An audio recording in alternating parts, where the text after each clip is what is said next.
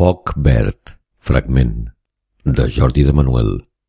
Editorial Al revés, 2016.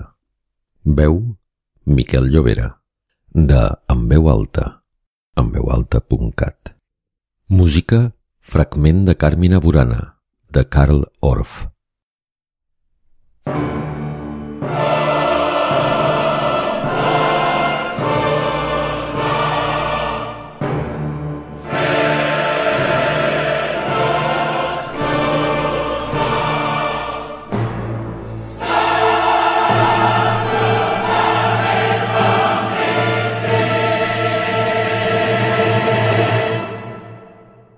Si els arbres parlessin, explicarien que va sortir de la cabana amb les mans brutes de sang, que es va recolzar en un tronc i que va abocar un vòmit fosc i agre.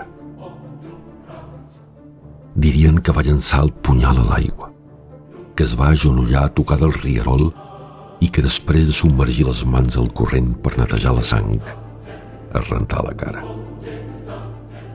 Narrarien també que es va posar uns guants i que va tornar al cotxe a agafar el bidó i les xeringues, que va vessar el líquid inflamable sobre els arbusts i tot al voltant de la petita cabana.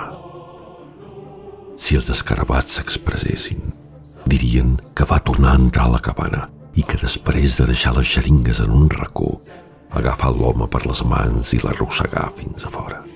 Explicarien que va buidar el contingut del bidó sobre el cos i que després va agafar la motxilla, la fotografia i la carta arrugada de terra.